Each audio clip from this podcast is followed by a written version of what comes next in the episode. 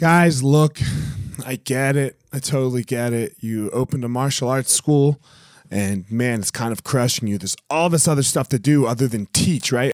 You love teaching. You love jujitsu. You love Muay Thai. You love karate. Whatever it is you're you're teaching. And man, but there's all this other stuff. There's there's the front desk. There's there's taxes. There's curriculum. There's cleaning. There's there's problems, staffing, covering. Whew, man, it's so much.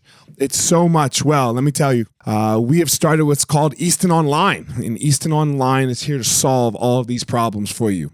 Easton Online is a digital academy for martial arts school owners and managers. Will help you establish or enhance your business with best practices. Most importantly, we're going to help you get back to what it is that you love most teaching and doing martial arts. Okay, so for more information, guys, go to easton.online. Again, that's easton.online. Add your email. You're going to get notified about the course launches. Our first course is going to be all about the first impression specialists, your front desk, and all kinds of stuff, special offers, promotions, as well as we started a podcast by the same name, Easton Online, that's gonna talk about our process of how how we went from a tiny little martial arts school to what is now seven martial arts schools, seven Brazilian Jiu Jitsu Muay Thai schools, um, in a very holistic way that we believe um, kept the integrity of the art and also deals with its people very well. So again, Easton.online, enter your email and you're gonna get all you're gonna get everything you need right there. So thanks, guys.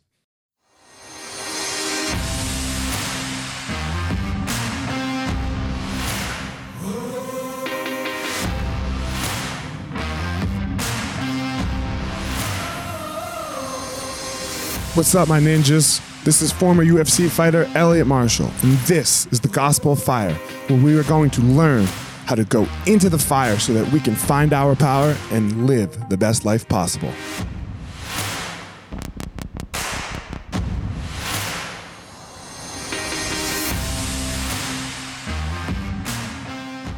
So this week on the podcast, I have Michael Cazayoux. Michael Cazayoux and I talk about so much. Um, we talk about his addiction and how he he overcame, about how he started two businesses and is now the president of WAG, working against gravity with his wife Adee. Uh, how he became a CrossFit Games two-time team champion. So I hope you enjoy that. Enjoy the episode. I hope you get a little little something out of it as always. If you do, if you like the podcast, please go subscribe, leave a review, and uh, let me know what you think. So uh, without further ado, here we go. Michael Cazayoux. All right, guys, another episode of the Gospel of Fire, and man, I think it's I think it's two CrossFitters in a row I have on. Uh, so oh no, that's what, oh that's no, up. I know, and and and I started the the I started with Khalifa, so I had Khalifa, then a little CrossFit break, and then I had Marcus Filly, and now I am here with a two-time CrossFit uh, team uh, games team champion, the co-founder of a company called Brute Strength, and now the president of WAG, working against gravity. Ah, God damn it! I, I met. I, I don't even remember how you pronounced your last name. Michael, say it for us. Cazayoux. Cazayoux, Michael Cazayoux. So, man, thanks for coming on the show. I appreciate it. Yeah, it's an honor to be here, man. Thanks for having me. Uh, so, man, talk. Let's let's talk uh, about your CrossFit experience, like a games champion uh, team games champion. That is not easy. No, it is not easy. what do you What do you want to know? Well, how how did that even get started, man? Like, where do you, where where where did the initial like I want to do that come? Where you know, like, so was that early in life? Did, was that like you always well, been an athlete? Like, gotcha. Yeah. So I grew up in Louisiana playing about five sports a year. I played football, baseball, soccer, basketball. I did weightlifting, powerlifting. So I was, you know, that was like the the only constant in my life growing up. Um, CrossFit wasn't around until I was 17 or 18. So I definitely didn't dream of becoming a CrossFit champion. Sure. But when I was 17 years old, I left Louisiana, where I grew up, for drug rehab in Utah. Okay. Went through th- went through a whole experience there for about a year and a half. Got clean, and for the first time in my life, I didn't have something physical that I was striving for. I was, you know, I was I was about to start college, and I wasn't in any college sports, and so I trained for and ran a marathon. I trained my ass off, and it was a really um, it was really pivotal for me in my recovery because it gave me something to strive for. It gave me like a really concrete goal to focus all of my energy on. And then when that when that marathon was over, for the first time in my life, I didn't have something that I was striving for. Right? I was in school and I was in recovery, but I, neither of those were very exciting to me. And so for the first time, I didn't have this goal that I was working towards, and I relapsed really, really hard. The worst, the worst drug use of my entire life. And when I got out of that, I had a friend invite me to. Um, I was kind of like floundering in the gym. I had no idea what I was doing, and a friend invited me to try a CrossFit class with him. He said, "Come, come try this out, and uh, I think you'll love it." And so I go in, and I feel like I'm the fucking man. I feel like I'm super fit because I had um, I had won my age division in this marathon that I ran in Salt Lake City. And so I, I just feel like I'm on top of the world. I feel like I'm Superman. And I walk in there, and the workout is called Fight Gone Bad, which I thought sounded kind of silly. And I do the workout. That's a classic for us. That is a classic. For like, sure. You know, we don't we don't do a lot of CrossFit in the martial arts space sometimes, but man, we've all done Fight Gone Bad. Of course, yeah, especially in the yeah. martial martial yeah. arts space, I'm sure. Um, so I do the workout and I just go absolute balls out, and I'm like, man, I just set a, a world record or something. And I ended up coming like last place in the in the class in, in the local gym in Salt Lake City. It was so humbling. And so on one hand, I was I felt really com- de- defeated and demoralized, and on the other hand, I was like, damn, I've got to do more of this because if this old lady is beating me at this workout, then there's there's something really special for me here. So all all of that to set up like this thing CrossFit became like really um, really special and impactful for me early on in recovery. It gave me something to focus on and get my mind off of all of my troubles. At the time when I started, I had no idea what the CrossFit Games were. I wasn't interested in competing. I just wanted to have some way to stay in shape. And about six or nine months later, I started to get a little bit more competitive in my gym and I started to work my way up the ladder. And after maybe nine months or a year, I was one of the best in the in the in the gym that I was at. Yeah, I was going back and forth between uh, this one other guy and myself. And I started to hear about the CrossFit Games and the CrossFit Open. And at some Can I point, cut you off for one sec? Absolutely. What what year is this? Where, where this what is year 2010. Okay, so about 10 years ago. And how old are you at this point in 2010? Let's see. I started in 2009, and I was 18. 18. So you so Yep. you're 19 years old in 2010. Yes, exactly. Got it. Okay. So once I once I start getting more into it, I'm about 19, and I I do a local competition put on by this guy named Tommy Hackenbruck, and Tommy I had come to understand was one of the best CrossFitters of all time, and he lived in this city that I lived in, and so I'm doing the I, I sign up and I'm doing the competition, and I'm in first place for the first like three or four events, and I'm beating this guy Tommy, who's one of the best. And then we start doing all of the heavy workouts, and I just get I get my ass kicked, and I get I think I get like fourth place. I get just knocked off of the podium. But what had happened was I was in I was ahead of Tommy for just long enough for me to really catch his eye, and so at the end of the competition, he invites me to join his gym to and he and he says, "Hey man, why don't we start a team at my gym? We'll be a, a lot more competitive, and you'll have a chance to make it to the CrossFit Games." And at that time, I was. I think CrossFit gyms still operate a little bit like this, but certainly so back in the day. CrossFit gyms, and I'm sure martial arts studios are very much the same. It's like a family. right? You, you, you suffer and you work hard together for months and years at a time, and you're so close knit. I felt like I was to leave that gym that I had started at was like breaking up with my family. And it was a really big challenge for me. I, I think I might have even talked to like my therapist about it. Um, so it's a really, really big challenge for me. Uh, it takes me a couple weeks, but at some point I make the switch and I join this guy Tommy's gym. And so that year we put together a team and we went to regional, the CrossFit regionals. We went to the games and we placed ninth. And we had a really good team, but nothing, um, nothing real noteworthy. And then after that, we decided, Tommy and I and a couple others decided that we were going to create a super team. And we, we were going to be one of the first gyms to actually recruit people to our gym.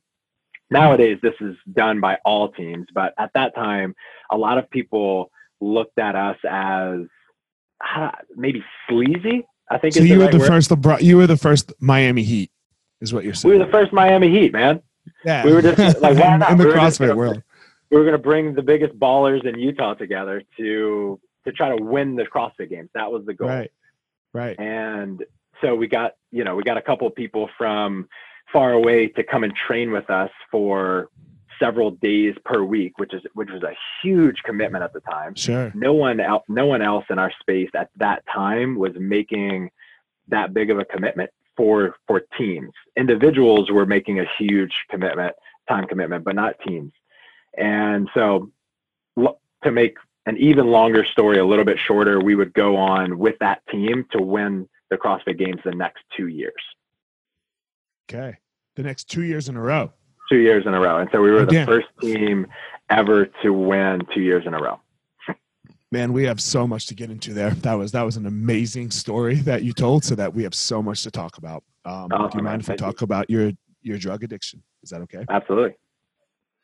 So how did that uh, how did that get started? Like at what age, and maybe what are some of the reasons you said that I heard you say that uh, athletics was the only cons- constant in your life up until the point that you were 17 years old. So what was your growing up like? What were like sounded not the best and that led you to some demons? Yeah, honestly, man, on paper, I had the all American upbringing. Like I have two parents that are madly in love. My, my father is successful. My mother is successful. They come from great parents who are also in love and successful. They treated us with respect and they, they they just gave us everything, man. So I I really had to try and fuck my life up, if you know what I mean. And so yeah, and sound and successful. Oh, I was very successful. You did it for a minute, yeah. yeah, man. Um, so I come from Louisiana, where drinking is just uh, ingrained in the culture. It's just what everyone does. And so, you know, I started sipping on beers or mixed drinks and wine when I was probably four or five years old. Like, you know, they would just give me a sip, right? And it just became kind of a normal thing. By the time I was nine, uh, my ninth birthday, two of my older cousins um, said, "Hey, man, we were, it was a slumber party for my birthday." They said, "Hey, let's go uh, sneak in the back and take a couple shots of Jack Daniels." And so we did that. And for the next few years, nothing really escalated. But what what was present for me at that time was, and now I understand it from a physiological standpoint a lot better. Um, what was going on was a an intense desire to fit in. And what I know about drug addicts now is oftentimes they have lower a lower density of dopamine receptors, which basically means we need more higher thrills and more risk to give us the same sense of um, of excitement that normal people have, right? If you know, if you, Elliot, would love jumping off of a 10 foot cliff, right, and that would really max out your thrill level, it might take me 30 feet to get the same dopamine response in my head to get that same response, right? Um, on the other on the other side, I have a higher, or drug addicts have a higher density of oxytocin receptors, and so we're on average more sensitive to social pressure. We might care more what our peers think, and for me, that was definitely the case. So at some point, as a child, I decided um, I wanted to be, I wanted to fit in with the bad kids, right? Everybody wants to be cool. For whatever reason, I thought bad meant cool. And I became willing to do whatever it took to fit in with those kids. And it just so happens the kids in this little tiny town in Louisiana that I grew up in, where they were using drugs. And as we got older, together we used harder and harder drugs. And I, I, just was never, I was never afraid to try that next hardest thing. I was just literally willing to do whatever it took to fit in with this group. So it's that's how it started.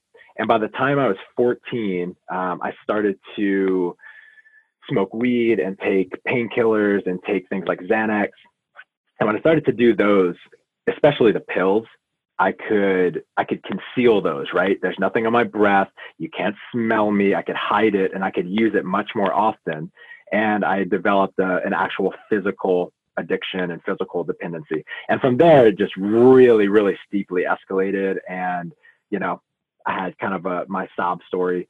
Um, the worst that it got was I was using needles and smoking crack and all that kind of nasty stuff. And when did your folks find out? They started finding out when I was about 14.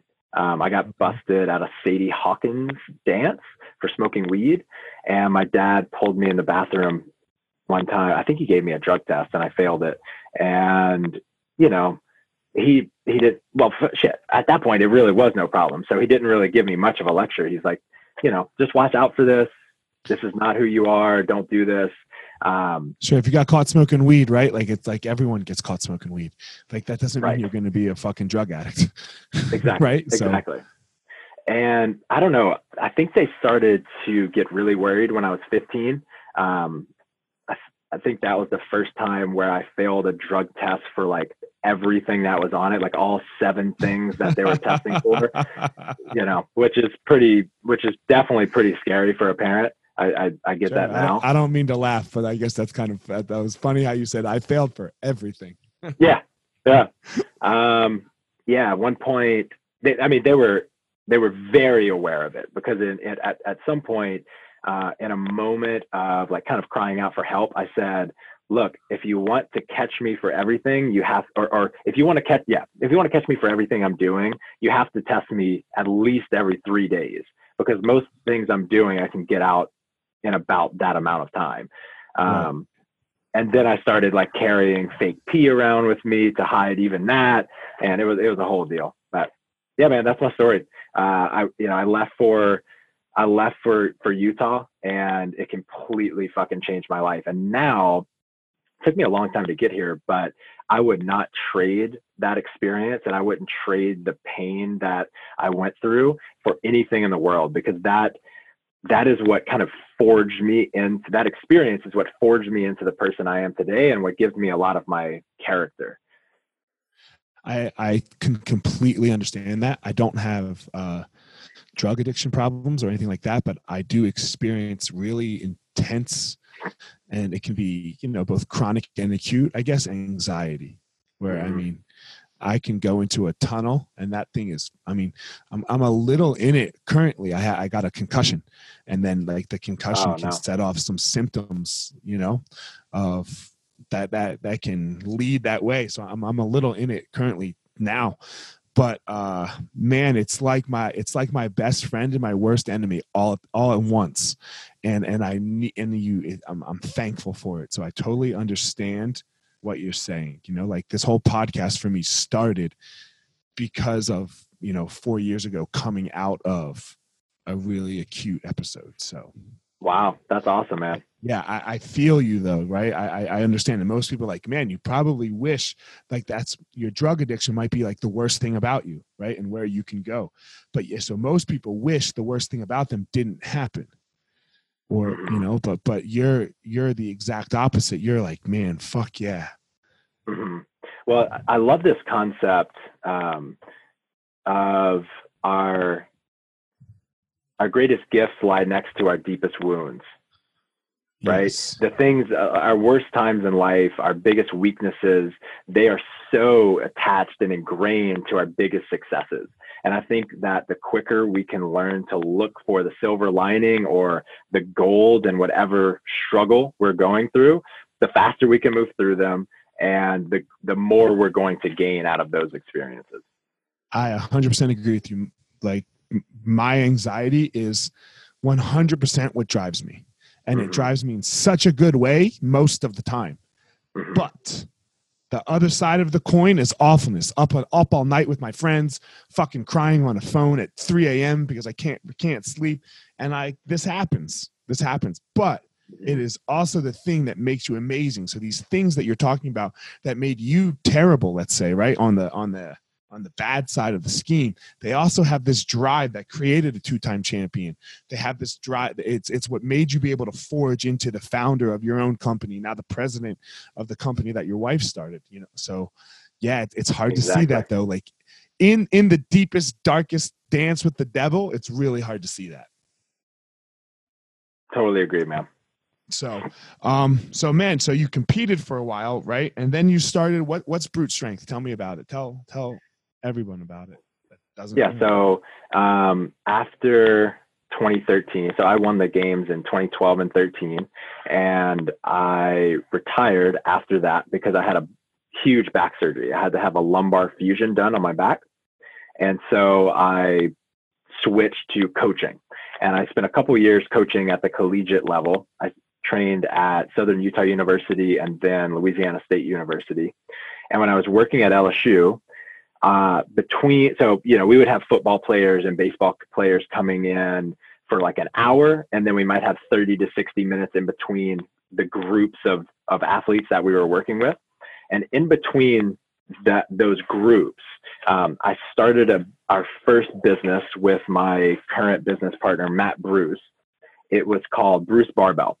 And what we did was and basically how this started is he's the one that got me the job at LSU. Can, I so, can I stop you for one sec? I'm going to cut you off. Yeah, go. Because I, I just have a question about this whole LSU thing because so often, like, uh, you're a CrossFitter, and most traditional sports uh, sports trainers, like for athletic trainers for for sport, they hate CrossFitters, right? So because they're like, ah, man, you're going to make me do a hundred fucking deadlifts something mm-hmm. like something like so how did how did you mitigate that situation and how did you how did you work that i didn't do any crossfit with football players i didn't do any crossfit right. with baseball players crossfit is a great tool i think for the general population for general fitness you know we'll, we would do some circuit training in the in the right. early off season like or, or post season once people are recovered but once we're in preseason and in season um, I just simply don't believe in CrossFit because it it's too much stimulus. It's too much impact on people's joints. It just doesn't make sense for most athletes. And so I, you know, developed a, a, reputation for being just a good coach in general. I didn't have a reputation for using CrossFit with with football players or anything like that that could scare those people away. I think that yeah, I think you're one of the first to kind of go down this route then, because a lot of people who got way into CrossFit, especially in the early days, seven eight years ago, uh, it was CrossFit or CrossFit or die, right? Right. Like CrossFit for every CrossFit for everything. And look, I uh, you're right, dude. I like right. some I like I like some CrossFit, you know, but I have to know that when for me when I'm training heavy jiu-jitsu, I can't do fucking CrossFit. Like if I right. do CrossFit, I am wrecked. I am unable to train jiu-jitsu. Right. So I, yeah, I totally agree. And that man, that's a great realization. I so I just wanted to hear like I was like, man, first I was curious because I was like, damn, did he really have like football players doing CrossFit like on a Tuesday before a game? Like because uh so yeah, that that's uh that's interesting and that that's a good way to look at it. So anyway, go back to uh you met your co your business partner Bruce, right?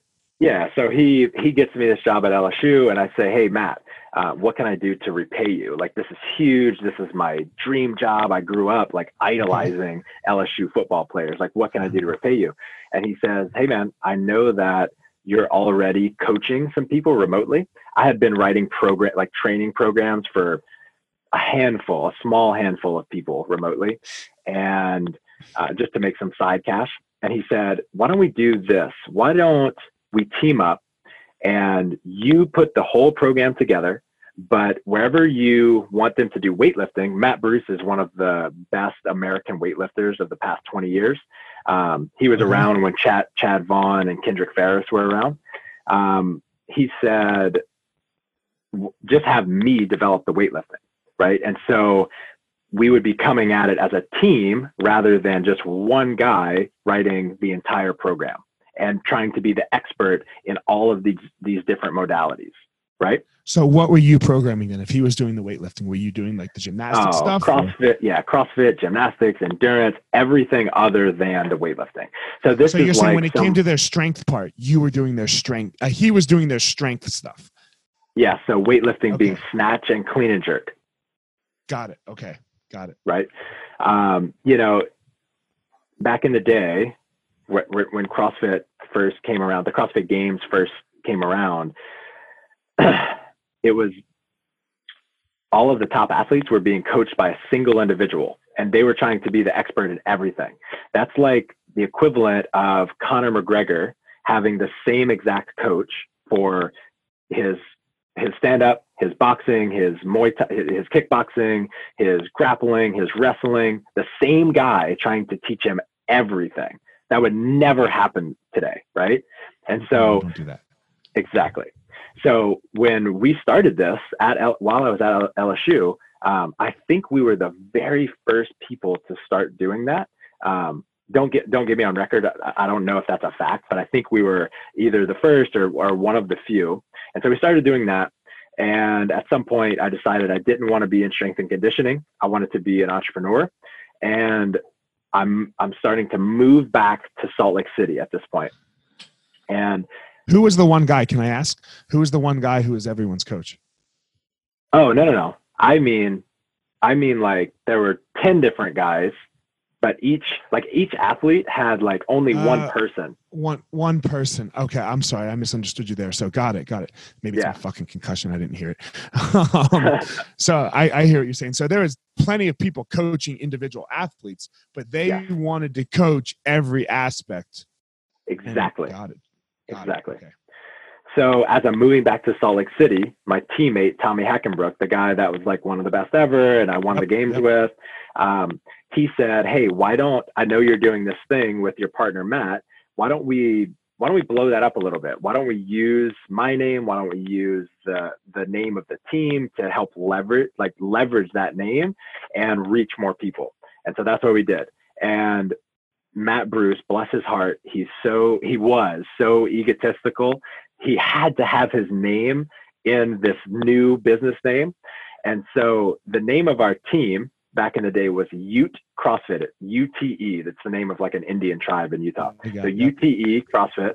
And then Matt Bruce, BR, B R U T E, Brute. You following me? yeah, I got it. yeah.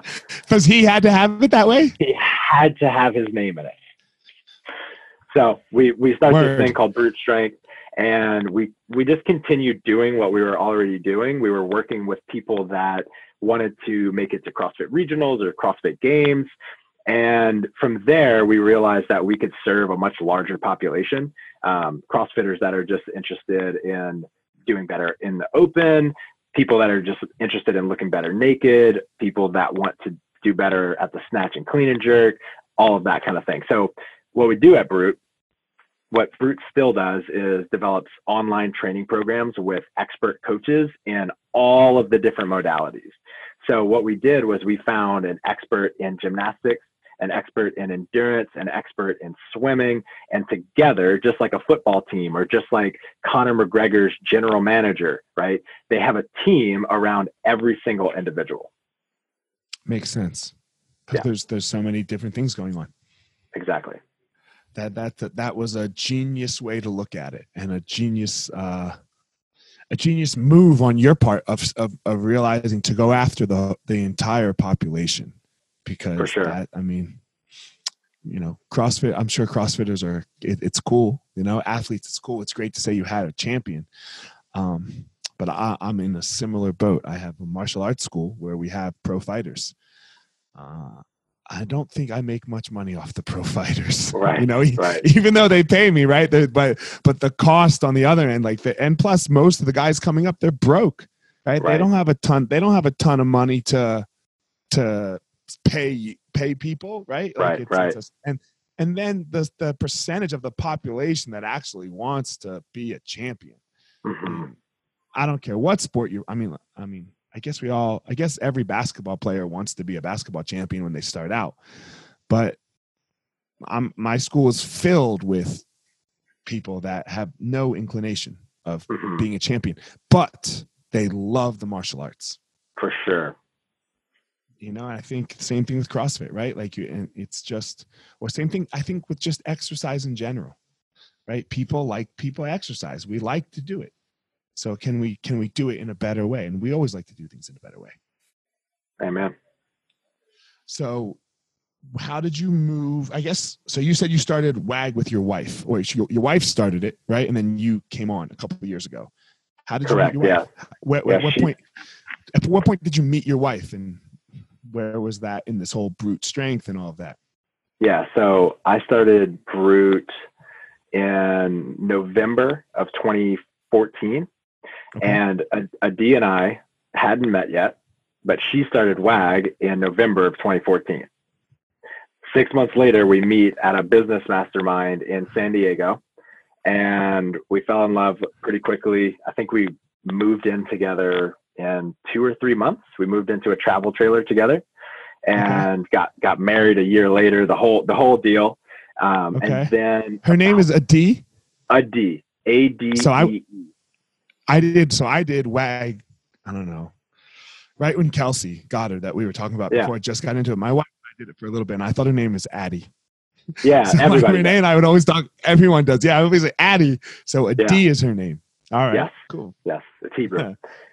Um, Uh, so she's two is she a a Jew? She's a Jew, man. Are you a Jew? She's a Jew. I'm a Jew. I'm My mom. Well, you know, I'm a Jew in like you know the sense of Jewish. My mom. Totally, my mom's totally. a Jew. Yeah. So Got it. my mom. My mom's Jewish. So that side of my family's Jewish. Yeah. Yourself? No. No. Okay. Um, you didn't even understand what I just said. You don't speak any I Hebrew. did. Uh no, not at all. Uh, Adonai. That- That's what I meant, bro. I'm fucking Jew-ish. I'm, I'm Yeah, literally only Jewish. Say that because my grandparents are Holocaust survivors. So gotcha, since gotcha. you know, so I have a very strong uh, tie to them. So therefore, I will always carry on the tradition. Uh, it's beautiful, man. Yeah, I just So- said nice to meet you. Nice to meet you too. yeah, yeah. So okay, you meet Adee at uh, a conference, and then you Yep. move in together. You guys get married. So what's it like? 2015, 16? You guys get married? 2016. Yep. 2016. Okay. and yeah, a couple of years ago, I just um, started talking about how I wasn't I wasn't as stoked about what I was doing anymore, and I didn't really know what else I might do. But she just started planting this seed in my ear of working together and leading this company together. And one of the biggest reasons was because we wanted to start a family, and we knew that if we were both running different companies, we weren't going to be able to be the parents that we want to be. Um, and we also just really believe in what we do at WAG. Um, not that we don't, not that I don't believe in what we do at Brute, but uh, I think the the opportunity, the opportunity in nutrition is much bigger. We can reach a much larger audience, and so that was really appealing to me. Um, the opportunity to work with my wife was also really appealing because we have very very different strengths that complement one another. And so a couple years ago, uh, I decided to start to move over, and I moved over full time. I became the president and um, as well as the director of marketing. Can I, a couple of questions with that. So, Yep. how soon did you become the president? Right away. Yep, How was that for? How was that for all the other people that have been working there for a while? really good question. Uh, a little jarring. It was a little jarring. Like we didn't have a really good plan for what my responsibilities were going to be, and we also didn't do a great job of explaining what my purpose was in the company, uh, what the intention was in bringing me over, and so there was a, a little bit of a a little bit of a fumble there, and so you know it kind of scared some people for a while and made them uncomfortable. Um, and we're the type of company that has really tough conversations. And so now, you know, everything is crystal clear. Um, I'm a part of the family, a part of the crew. And, but yeah, that's a really good question. We, we didn't handle that as best we could. Uh, not, not cool that you didn't do that, but it's cool that you realized that, you know, so that the next time, right. Like I, I, um, I'm in your situation. We have seven schools, you know, and yeah, there, there's an order of things that you have to how you because I like to say everything's the people business, right? Like nothing's not you're in the you're in the nutrition business. No, you're not. You're in the people business. Because if yep. you don't get people on board with what you're doing and you don't communicate well and show that you love and care, then what I mean, you could have the best nutrition program in the world and it's not going to do shit. Right. Exactly. You know? Um what uh, what did you say? I'm sorry. You said something where uh, you have tough conversations. I want to know what does that what does that look like in your guys' space? What does that look like in your company when you when you said you had tough conversations? Yeah, that's a that's a really active um, thing that we're working on right now. But it starts with our leadership team. So we have a team of we have 54 um, people that work at WAG total. About 30 of those are full time, and seven are what we call our leadership team. So COO, CEO, president, etc. And we started doing something called strengths and obstacles about a year, I think a little over a year ago, which is a the equivalent of a very deep therapy experience with our leadership team. It gives us an, it gave us an opportunity to really praise each other for where we are strong, um, highlight what everyone's goals are on the team, and then also identify obstacles to getting to those goals. So it's a process for, uh, shit, it's a process for having like really tough, a, really tough conversation and giving each other critical feedback. Um, so we did, we did that once last year in April. We did it again in our recent um, annual retreat, and then we're doing it again in, in just a few weeks. And so by having this formal process of bringing up basically what we see each other's weaknesses as being and talking through that and um, kind of coming to completion with that and having a have like helping each other create a roadmap to improving on those weaknesses there's just not there, there's not much that's off limits in our company uh, it's led to some healing of some pretty disconnected relationships. Um, it's led to more psychological safety within the company, more cohesion. Uh, I think because of all of those things, more collaboration and creativity, um, and in general, just like a a sense of belonging to the group and like just loving where we work. I totally understand because we do the same exact thing. That's awesome. we, yeah, we call it successes and obstacles. So not so much strengths, nice. but yeah, so we we do it on a bi-weekly basis. Uh, uh-huh. On a because we we have manager meetings. Uh, uh our GMs all meet. Uh, I'm not even in on the meetings. So mm. um, our GMs meet once a week, and uh, one they they they uh, flip back and forth. Where one week they're going over some tactical things like mm-hmm. you know of, of, where we're moving and things like that. And then the next and, and also that week they go over like the numbers like okay we're gonna have, what did signups look like? What did retention look like? What you know what was the revenue? Blah blah blah at all the schools. And, mm-hmm. and then the next week they go over successes and failures of things that they're trying to implement and that are going on in school. And it man it just the connection that it brings between the people is what it is. Mm. I think, mm-hmm. right? Is like they that you like I hear where you're strong and then you hear where you get then you get to hear where I'm weak and then you get to kind of bring me up. It's like somebody else lift like like the whole team just gets to move up together mm-hmm. rather than um just like look what I did. Right. You know. We also do this thing. Have you guys ever done 360 reviews? Yes, yeah. Three of us have done a 360 now. They're incredible, they're tough, right? They're yeah. incredible, but they're tough, right? Like, yes. like there's uh what the guy who does it for us. He what does he say? He says there's the the things that you know are true that are fine. You can hear them. The things that you they're true, but you don't want to admit it, but you know it's true. And then there's the shit that hits you out of left field. And Right. you're like, that is not fucking true about me. Did you guys have that Right. experience? Was it like that? Oh, for you? absolutely, absolutely. Yeah, I, I really pride myself on um, being a very self-aware person, and Yeah. I did. I didn't think anything new was going to come up in this thing, but there were some sucker punches, man. Yeah. Yeah. I mean, And I- it was I mean, the most valuable thing I've ever done as a leader. The most valuable, hands down. I'm better friend. So there was one, everything I knew in mine was true. E- Mhm. Every fucking thing. Right. Except for one thing. And when that one thing came up, and it wasn't even that big, it was one thing from one person. And I was like, I don't even know where the fuck they got that from. Like, that Yeah. is not fucking true. Like, I was so upset. And like, but I mean, eventually the person came out and told me who it was. Like they they Mhm. they came to me and they wrote it. And we are better now. We are better friends. We are better everything because we worked That's through awesome, that man. situation. But I was I was so fucking mad. Yeah, that's awesome, dude. Was was yours? I'm I'm taking yours. Was I don't know if you were as mad as I was, but similar.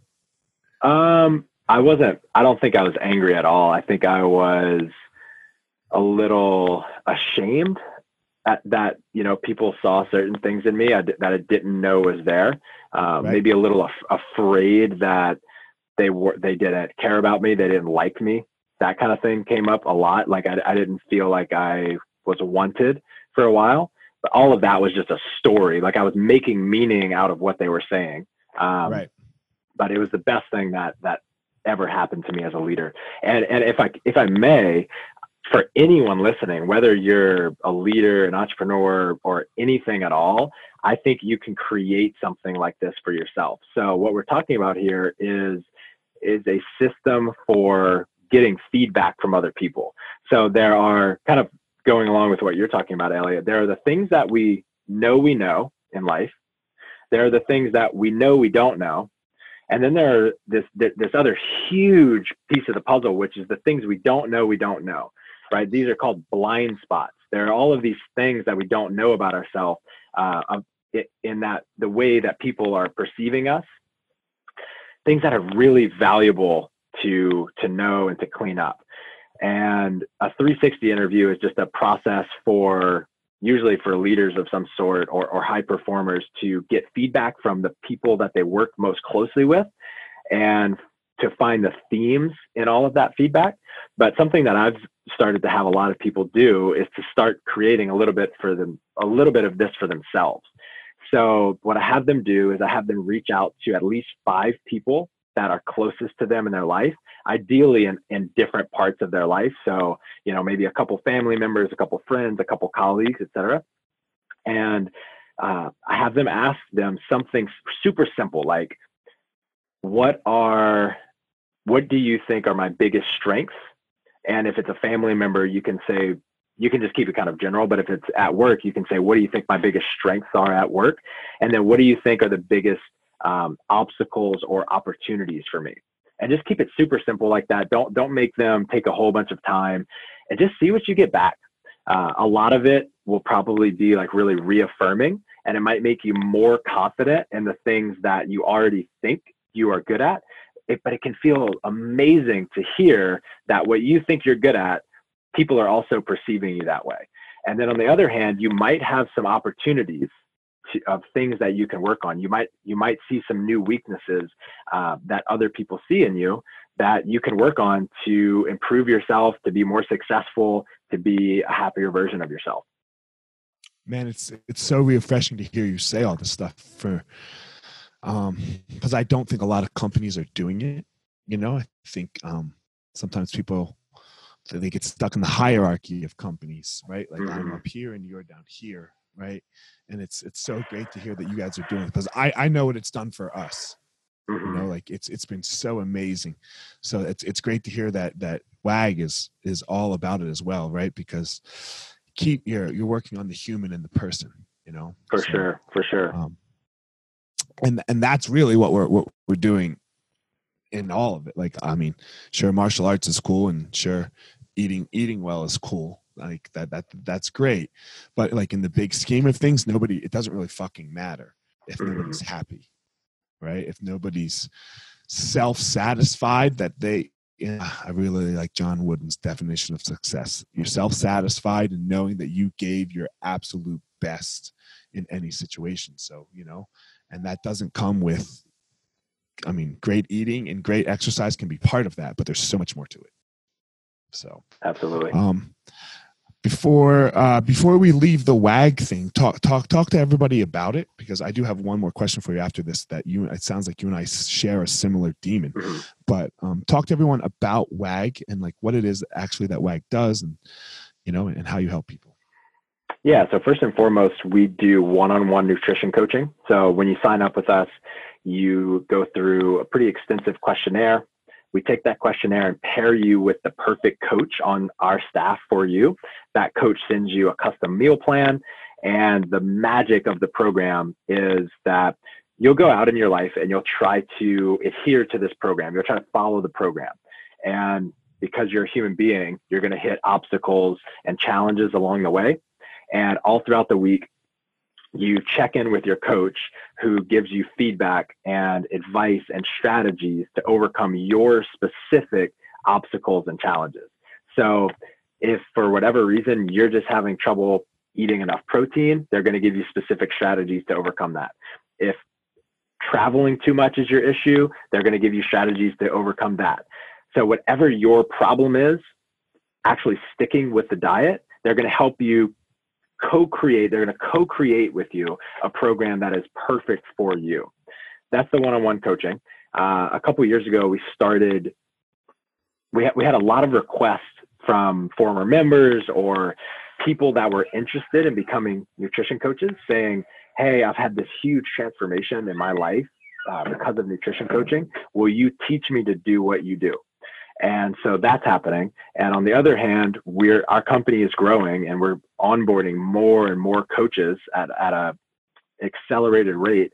And so we created our coach training course for, for internal use only. And at some point we decided, okay, enough people are asking for this. Why don't we just sell our internal coach training course to the public? And so we started doing that. That's called the WAG coach certification. Um, people are absolutely loving this thing. So there are a lot of nutrition coach courses online and some really great ones. Uh, what we really pride ourselves on is being super practical and giving people a mentor to go through the entire course with. So the the thing that people rave about this course um, the thing that they rave about in this course is that at the end of it, they actually feel confident enough to start coaching with people rather than feeling like they just gained a bunch of knowledge, but they still don't feel like they know what to do when it comes to actually coaching people. And then finally, that's such a huge difference. That's that's such a huge difference, right? Like, like sure. you can have all the knowledge in the world, but if you don't know how to disseminate that to somebody else, then that I mean, good for you. You have some knowledge. It's worthless as far as like right. doing anything with. That's that's such a huge piece that you just touched on right there. Uh, I know I cut you off, but sorry. No, you're good. And the way that we do, thank you. And the way that we do that is by allowing people to practice under the wing of a mentor, one of our top coaches. Okay. And so finally, you know, one of the biggest obstacles new nutrition coaches face is okay, now I know how to coach people, but how do I do it? Like, what software do I use? Do I use spreadsheets? Like, how do I do the business side of it?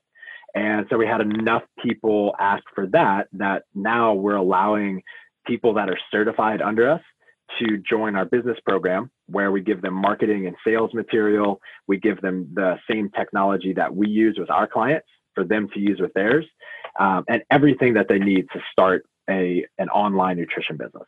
And that's called the WAG pe- business program. Do you take a piece of their business, or is it just like they pay for it and then that's it? Yeah. So to to be certified by us, it costs a thousand dollars. And to start a business with us, it costs $30 per user per month. So if you have one, if you're coaching one client, it's $30 a month. If you are coaching 100 clients, it's 3000 a month. Gotcha. Okay. So it's super um, low risk. Sure. We we we our companies are on very similar paths, my man. Um, we we're about to, we're about to release our first. Nobody's done this in the martial arts space of uh, how to run your school. Like there's people that Amazing. teach you moves, right? They teach Mhm. you. There's tons of world champions out there that have online courses and DVDs and digital digital stuff of like, okay, this is how you do jujitsu. Um, the problem is, is if if there's no school that can stay in business around you, then you can't fucking do jujitsu. Right. And I mean, like pe- people do okay, but it's this constant worry of like a stress, the, the stress of am I going to pay my bills, and that stress is awful. So Yes. we are about to release our first course on how to run your business. The back, the That's back. amazing. end. Yeah, and it sounds end. So- it sounds like you're the perfect person to do that if you're running seven successful gyms. That's amazing. We have we uh the one's not successful yet. It just opened in a couple. It, it just opened. Uh, when did it open? June, January, the middle of January. But it's it's uh it's breaking even. So I, I Oh, haven't man. had to dump more money in. So one month breaking even, we're good. you That's know. awesome, dude. Yeah. So um, man, it's it's cool to hear somebody in a different space doing such similar things. You know, it's it's, it's really refreshing. Um, one last question before we get out of here. I know you're busy. Uh, it sounds like, and what I said was, it sounds like you and I suffer from a very similar demon, and I think you touched on it earlier. Um, I have a feeling, and I don't know what it means for me to sometimes be good enough for the people in my life right? Like what does that look like? Like like like and it, and it, it comes down to fitting in right? Like i'm always worried about that fitting in thing. Hmm. so um how do you how do you deal with yours? You know how do you deal with that demon? But it's not like you know you're sober now and all that. It didn't just go away. It's still it's Mm. still there right? Like our demons don't leave us. We just have better tools of dealing with them. Hmm. Dude, thank you for this question. It's a phenomenal question. Um, how do you how do you be enough for the people in your life? I think it's the I think it's actually the wrong question. I think it's more about how do you become enough for yourself. When you're enough for yourself, then you are you just emanate self-confidence, self-esteem and you are immediately enough for others. And so, if you ask me that question, how am I enough for myself? Um, I am very clear about the things that make me feel best, right? So, I'll rattle off some of them. Um, I feel best when I meditate 20 minutes a day. I feel best when I move for 30 minutes a day. I feel best when I don't work over eight hours a day. I feel best when I'm having sex two to three days a week. Uh, all of these things, right? um, I for for many years I've journaled and I've just really paid attention to the things I'm doing and not doing when I'm at my worst, and the things I'm doing and not doing when I'm at my best. And uh, I make a practice on either pole, right? If I'm if I'm at a bottom or at a at a peak, to write down, be very specific, what things are contributing, right? And I've seen these patterns come up over and over. And so all of that to say, I know what makes me feel best. The way that I am enough for myself is just by doing those things, right? If I know I feel best moving 30 minutes a day and meditating uh, 20 minutes a day, and I'm not making time for that, then I'm not treating myself like I really love myself, right? And if I'm not treating myself that way, then I don't really, I don't feel like I belong to myself. So my life has been about keeping those things very top of mind, remembering them, creating systems for making sure I don't forget, and creating systems where it's just automatic that those things are baked into my life. Um, you know, even things using my calendar, using my scheduler, using my assistant to help me make sure I don't I don't uh, stop doing these things. And when I make mistakes, because I am a human being, when I make mistakes and I fall off of any of these, um, I remind myself what's important and I make more space for the things that really matter. And if I'm doing those things consistently, then I'm signaling to myself that I care about me, right? And if I care about me, that means I love myself. And so then when I tell myself things like, Michael, I love you, I can really, I feel like it's genuine, right? There's an, there's an integrity in that. Uh, I feel like I am in integrity. And so all of that to say, when I feel like I belong to myself, I feel like I love myself, then I don't doubt if I'm enough for other people. You right. And I, I mm-hmm. have to, I have to be paying attention to people's needs and their requests of me and i have to be a good friend and a good uh, husband and a good son and all of those things. But the very base of the pyramid of like fitting in with others and being enough for other people absolutely starts with being enough for myself and treating myself like someone i loved that's mm, you complimented me on the question. Your answer was better you know, your your answer was way better. I appreciate it. You're gonna you're gonna help me with you helped me with that because one of the places that I struggle with is I have a good amount of compassion for other people. Like when they're not doing their best, let's say, for a reason a not not to me, but just in general, right? Like sure, because sure. they're they're you know we all get we all go through these stages. Like for example, me right now with my concussion. I can't you you just can't cognitively function at your best. Like right. there's just there's just nothing to it. And I have so much compassion for other people in this when when they ha- are there. I don't have much compassion for myself. Right. You know, and I'm trying. And I like, for example, we had a tournament this weekend, this big jujitsu tournament. And man, I just didn't coach. I could, and, and one of the, like, I'm not an amazing coach, but one of the things that I do do very well is in the middle of a fight or a match, I can really see what's going on. And I'm very good at giving clear and concise uh, information, relaying that to the fighter so that they can implement. Mm-hmm. Um, I couldn't do it that well. I couldn't do it as well. Let's say I couldn't do it as well as I would have liked to have performed. Sure. And that I'm and normally I'd be beating myself up. But right now I'm trying to work on that what you were just talking about. Giving myself some space to realize where I am so that I know that I'm enough. Right? Like Amen, just, man. You know, so it's uh it's definitely something I'm working on. I, I meditate and I do you know and I do that so, but but how you said your needs, you know exactly what it is you need, and when you're meeting your needs and you're enough for you, then you know you're enough for other people. That is, mm-hmm. that is fucking gold, like absolute gold. So, man, I really yeah, appreciate. Man. Like you're like uh for me, uh, even if we never talk again, which I'm not going to allow. But no, I guess I guess it's a two way street. You have you have you have to talk to me back. But um, uh, even if we even if we were to never speak again, that would be such a helpful thing for my life uh, moving forward. That was, you know, you get these little tidbits that people add to you. So thank you, man. I'm glad I'm glad that landed.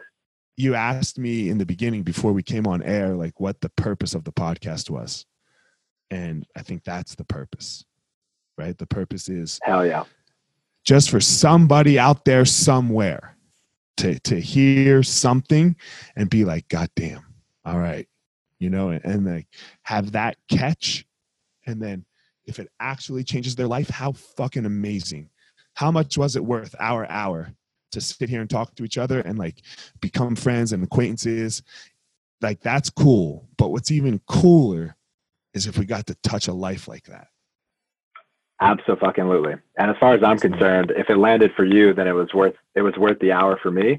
And you know what you can do for me for giving you this hour, and what everybody else can do is if that landed for you, if it really resonates, then do something with it.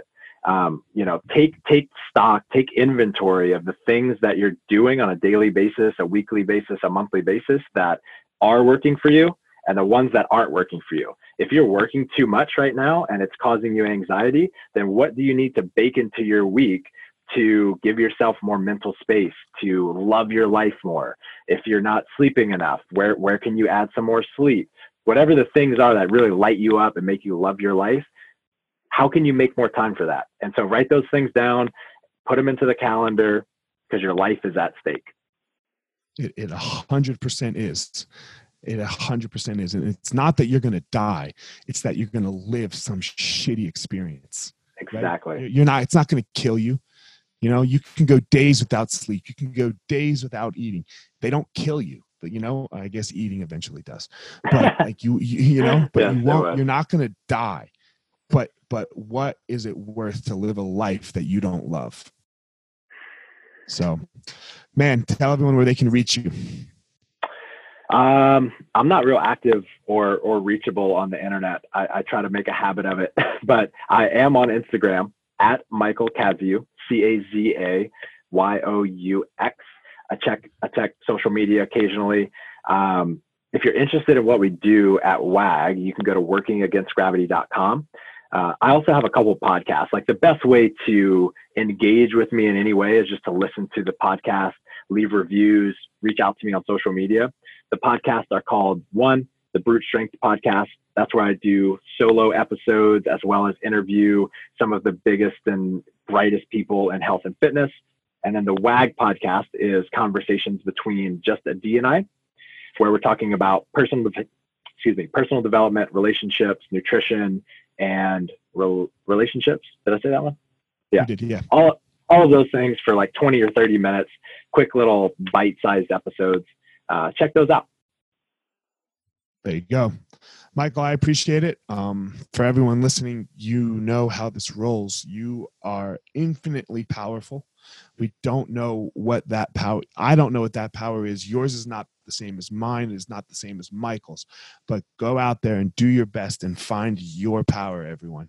You can do it. You have you have the power to do it. So um, thanks everyone for listening and uh, thank you, Michael. Thanks a lot, brother. All right, everyone, thanks for listening to this episode of The Gospel of Fire. If you enjoyed the episode, I'd love a review on iTunes or wherever you are listening to this podcast. Don't forget to follow me on social media at Fire Marshal 205 if you are a BJJ enthusiast, check out my YouTube channel. I put all kinds of instructional DVD uh, videos out on there, so go check it out. My book is still out on Amazon by the same name as the podcast, The Gospel of Fire. So if you are interested, go check out that. And most importantly, guys, go out there every day, find your power. Thanks a lot.